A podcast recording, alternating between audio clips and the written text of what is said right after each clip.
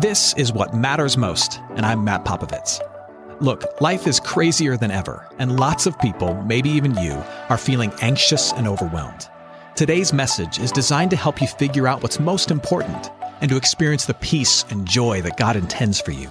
Because life is a gift, and it shouldn't be wasted on worry. I'd like to give you a resource, something to help you navigate the road ahead. Just go to mattpopovits.com, click on the icon, and we'll send it to you. That's Matt, P-O-P-O-V-I-T-S dot com. And hey, if you happen to live in the Houston area, I'd love to see you on a Sunday morning at St. Mark in Spring Branch. Head to stmarkhouston.org to plan your visit. Here's today's message. Thanks for listening. Today, we're continuing a teaching series that we've been in for the last few weeks called Me and My House, where we're looking at family life with an emphasis on parenting through the lens of faith. And today, we're going to talk about something that every family wrestles with. Whether you're a parent, a grandparent, a beloved aunt or uncle, or maybe you're an educator managing a classroom, one thing we all deal with is disobedience. Disobedience in kids is a big deal. Disobedience in kids is a big deal. Uh, when your child in your care isn't doing what they're supposed to do, or even worse, when they do something you explicitly told them not to do, it sends off all kinds of alarm bells. It fills us with all kinds of emotions. Now, I would say that the biggest threat that disobedience of children uh, is to parents is not so much about our plans or our ego, but the biggest threat, and this is actually what I would say the scriptures lead us to, the biggest threat is to our relationships. Disobedience is a big deal, ultimately, bottom line, because it damages relationships. So think for a second about the very first sin, Garden of Eden. Genesis chapters 1, 2, and 3. Adam and Eve think that they can do a better job than God the Father, and so they eat the fruit they're not supposed to eat. And what's the fallout? The fallout of that disobedience, you could say, is almost purely a relational one. You have two relationships that are fractured. The relationship between humanity and its maker is fractured, and then humanity's relationship with creation, including one another, is fractured. That's the fallout. The problem of the first act of disobedience is that it breaks relationship. Think about the Ten Commandments, the most famous family rules that have ever been given. They're about relationships. Here's how they start. This is the preamble, so to speak, of the Ten Commandments. Here's why God is giving them. Exodus chapter 20, and God spoke all these words, saying, I am the Lord your God who brought you out of the land of Egypt, out of the house of slavery. God is saying, Look, because I'm your God, I rescued you out of slavery. You are mine. We are a family, so to speak. And because I'm your God and you are mine, because we're in relationship now, I'm going to give you these things that we call the Ten Commandments. And the Ten Commandments are not just rules, they're about protecting and respecting what? A relationship. They're about protecting and respecting a relationship. It's all about relationship. And you know this is true. Uh, this is why when your kids are a bit older and they break the rules, the most powerful thing that you can say to them is not that they're in trouble, but that you are what? Disappointed. You all know the answer to this. And the reason that's powerful is because you're essentially saying this your choice has an effect on our what? Our relationship. Your choice has an effect on our relationship. And that cuts deeper, doesn't it? The greatest threat that disobedience brings, is not to, not to your plans or not to your ego, though it does hit those things, it's to the relationship. When your child disobeys, young kid, older kid, it creates animosity between you and them. And it creates animosity between them and whoever is on the receiving end of their bad behavior, which oftentimes, if you're a parent, is you. Or it could be the, the sibling who gets spat on or the teacher who got talked back to. From God's perspective, relationships are everything, and disobedience is a big deal because it threatens, it harms, it hinders what? Relationships. Good. You're, you're tracking with me. Which means if disobedience isn't dealt with, if disobedience isn't corrected, the, the greatest tragedy isn't that your son or daughter grows up to be less successful as the world measures success. No, the real tragedy is that the effect of their broken behavior would, would impact negatively all the other relationships around them. If disobedience isn't dealt with, the real tragedy is that they grow up sideways with the ones who love them the most, their family. They grow up disconnected with the one who made them, their God. And then they have a dysfunctional relationship with all the other healthy people around them who don't respect them or trust them. That would truly be tragic. You know, your, your son could grow up to be Jeffrey Bezos. Your daughter could grow up to be Beyonce. Real successful. But if all their relationships are garbage, what have they got? Not much. Now, when, when we feel the threat of disobedience as parents, we, we tend to have uh, an instant and drastic response. The typical response to diso- uh, disobedience is this rules and retribution. The stakes are high. We want this kid to turn out well. Relationships matter, and it frustrates the relationship. And so we see the disobedience as a threat and we respond quickly. Our instinct is to lay out more rules and to throw out a punishment. We want them to feel pain for talking back, so we punish. We want them to know exactly what they should do next time, so we write a new rule. Sound familiar? Happens in my house, happened in your house growing up, and it's not bad, but, but, but there's limits to that. And here are the limits. Having rules and retribution as your primary approach only gets you so far. Because too many rules burdens a heart. And pain, which is what punishment is, pain is powerless to change the heart. Too many rules burdens the heart. Pain is powerless to change the heart. So, so, so too many rules creates futility. Now, your child may not be able to articulate that, but too many rules creates an attitude inside the heart that says, What's the point? I can't keep it all. I can never please. And inflicting pain taking things away, slapping the hand, however that works for you, at best simply teaches the child to avoid that pain. It's not heart obedience, which is what you actually want. What the inflicting of pain cannot do is create a desire in the heart to do something differently out of love. What pain cannot do is create a desire in the heart for better choices altogether. Obedience in a child that is created by adding rules and inflicting pain is burdensome and superficial.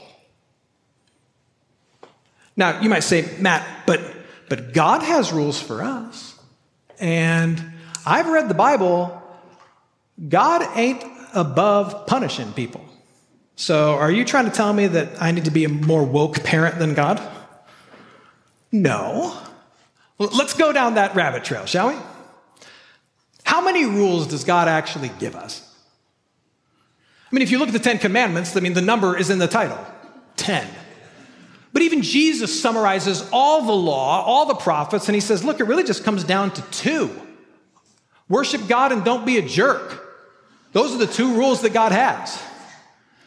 It all comes down to this there are two rules with tons of applications. But everything God's about is simply that love God and love others. Not many rules. And I would say to you that God does not punish us. Not at all. Not ever. He disciplines us. And that's very different. And you might think that I'm playing word games there, but, but I'm not. Let me explain. We're going to go deep for a second, okay? Here's your $5 phrase for the day retributive justice. $5 phrase for the day. Use that at Jimmy John's later on when you're buying a sandwich. Retributive justice. What that means is the inflicting of pain on another that they deserve because of something bad that they've done. Retributive justice. Inflicting pain upon someone that they deserve because of something bad that they've done. Retributive justice is perfectly legitimate. Uh, this is why jails exist. Uh, this is why grandma used to pinch the little hairs on the back of your neck after you were acting a fool. Retributive justice. Wrongs need to get punished. But, but hear me on this it's just one side of the justice coin. Not only do wrongs need to be punished, But right needs to be taught, it needs to be nurtured, it needs to be instilled, and that's discipline. Punishment is about pain. Discipline is about instruction. Punishment is about, you can use the biblical word, wrath. And discipline is about leading someone towards what is right. It's about correction. And both of those things matter. They're both sides of the justice coin. A just parent will punish, but also will discipline. Now, now here's the thing when it comes to your relationship, mankind's relationship with God, God punished, He poured out His righteous wrath for all sins, for all disobedience, for all time that's deserved by all people, including you and your kids. He poured all that wrath, all that punishment for all time onto one person Jesus. Jesus was punished. Retribution was done to him. We don't say Jesus was disciplined for our sins, do we? No, we say he was punished for our sins. Retribution was done to him because if it were done to humanity, we wouldn't have survived. What that means, though, is that God the Father is now out of the business of punishing sin.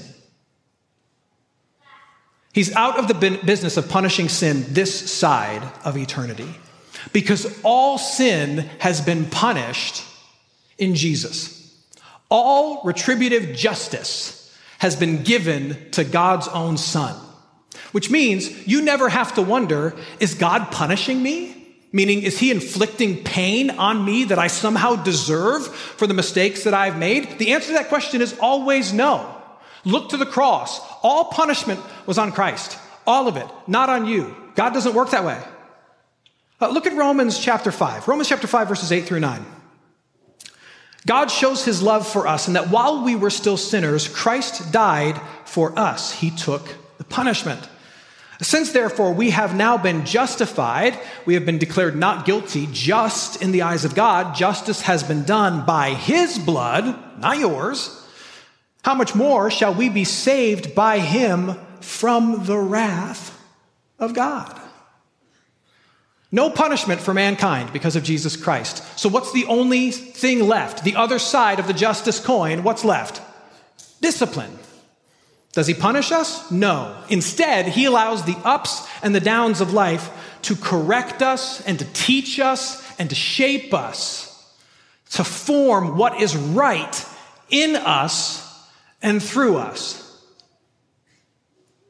Here's my big assertion for this week if you're here and you are a, a family of faith, if you're a, a parent, a grandparent, a, an aunt, or an uncle with influence over the lives of little people, if you are an educator with kids in your care, whatever it looks like for you, and you you have faith in Jesus Christ, who has taken all of your punishment, and all that's left for you is loving fatherly discipline. I would say that the primary tactic in your leadership in the lives of little ones when it comes to disobedience should be discipline over punishment. Now, that's not to say that you never slap a hand. There's a place for hot stove parenting. Hot stove parenting is when you slap a hand, you make them hurt just a little bit because if you don't make it hurt, the other thing's going to hurt a lot more. And they need to learn not to do that thing. There's a place for the infliction of appropriate pain so that they know how the world works and how to keep themselves safe and how to honor you and honor themselves. There's a time and place for that. But it's just one side of the coin. And as people of faith, enlightened by how God deals with us, it's a small side at that. God's primary approach to us, his children, is discipline over pain and punishment, and I assert that it should be the same with you and your kids and me and mine. Just ask yourself this question When I respond to disobedience, am I inflicting pain or am I trying to shape the heart? Am I slapping the hand or sending them to timeout or grounding them from the thing? Or am I trying to shape the heart, correct, and focus actions in the right direction? Hebrews chapter 12. We read this earlier, but it's worth taking another look at. God disciplines us for our good that we may share his holiness. For the moment, all discipline seems painful rather than pleasant, but later it yields the peaceful fruit of righteousness to those who have been trained by it. God's goal is a changing of the heart. God's goal is a shaping of heart and action so that we share in his holiness, so that we are more like him. That's the aim shaping heart and action, sharing in holiness. Now you might be thinking, Matt, that is so much easier said than done. You have not met my children. Hey, friends, it's Matt. If you're listening to us in Houston and you're looking for an excellent education in a Christian setting for your student, I'm inviting you to take a tour of St. Mark Lutheran School in Spring Branch.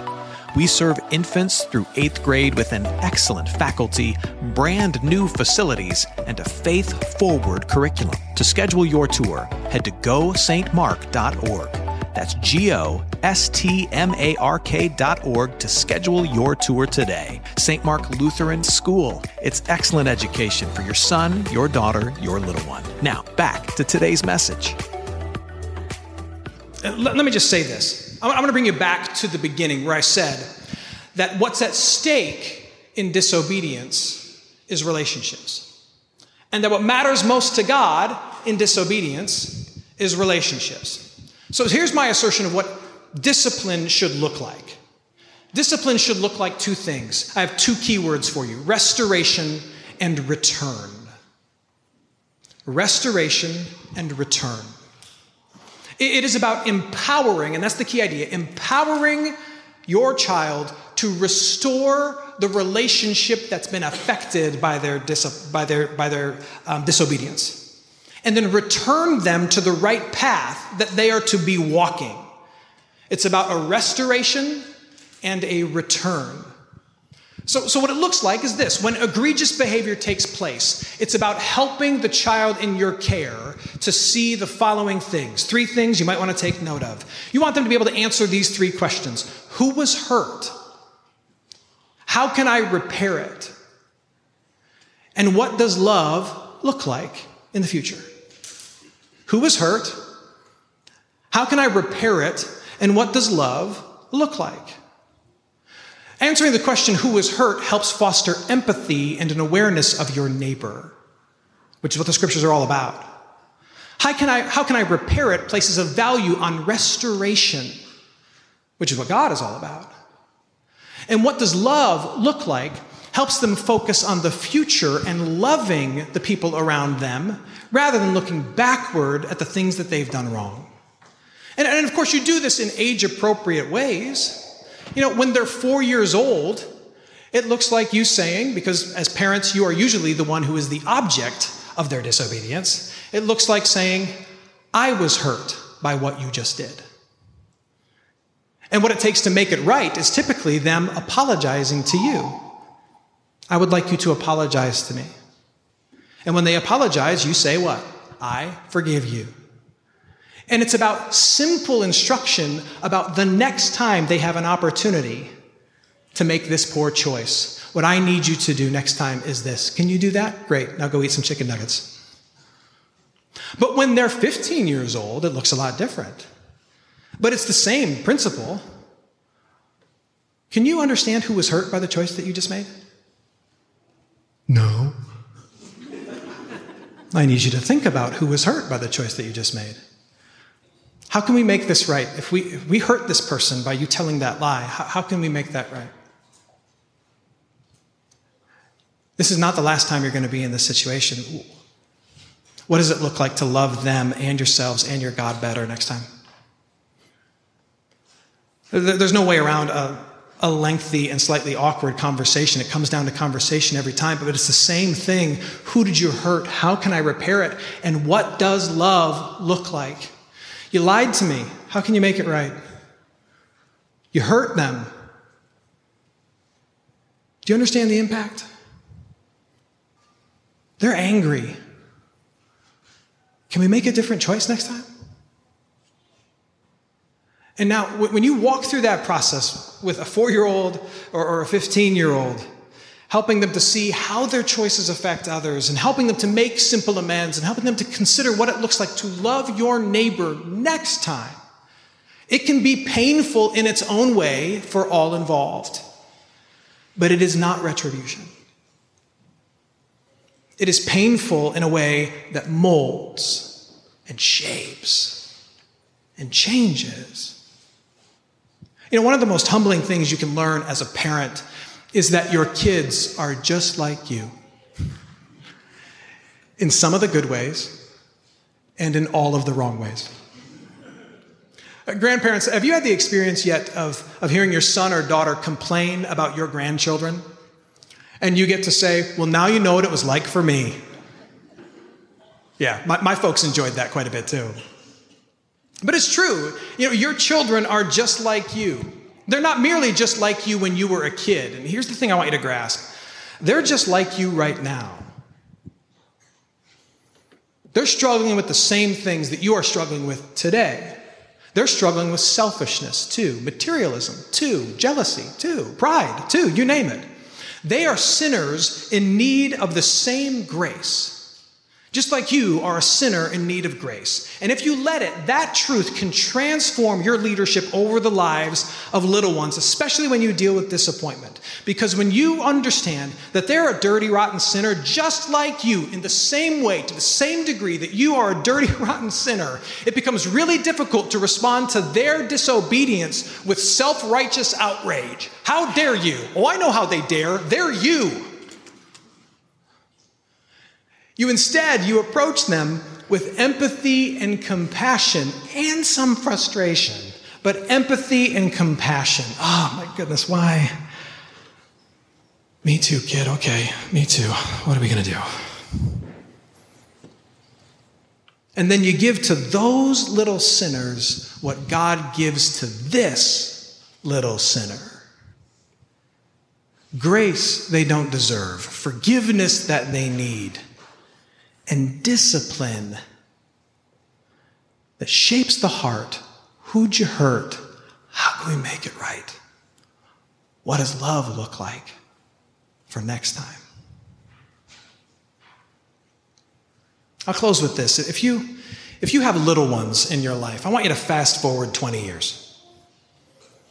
Fast forward 20 years, and, and someone asks your kid the same question that I asked you at the very beginning What was discipline like in your house growing up?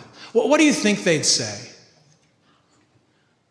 What, what do you want them to say?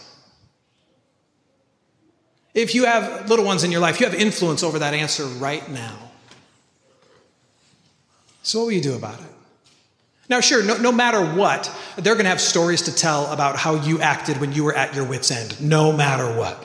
But what would you like the primary story to be? What would you like it to be? I'm going to leave you with this, this hope and this prayer that I have for you.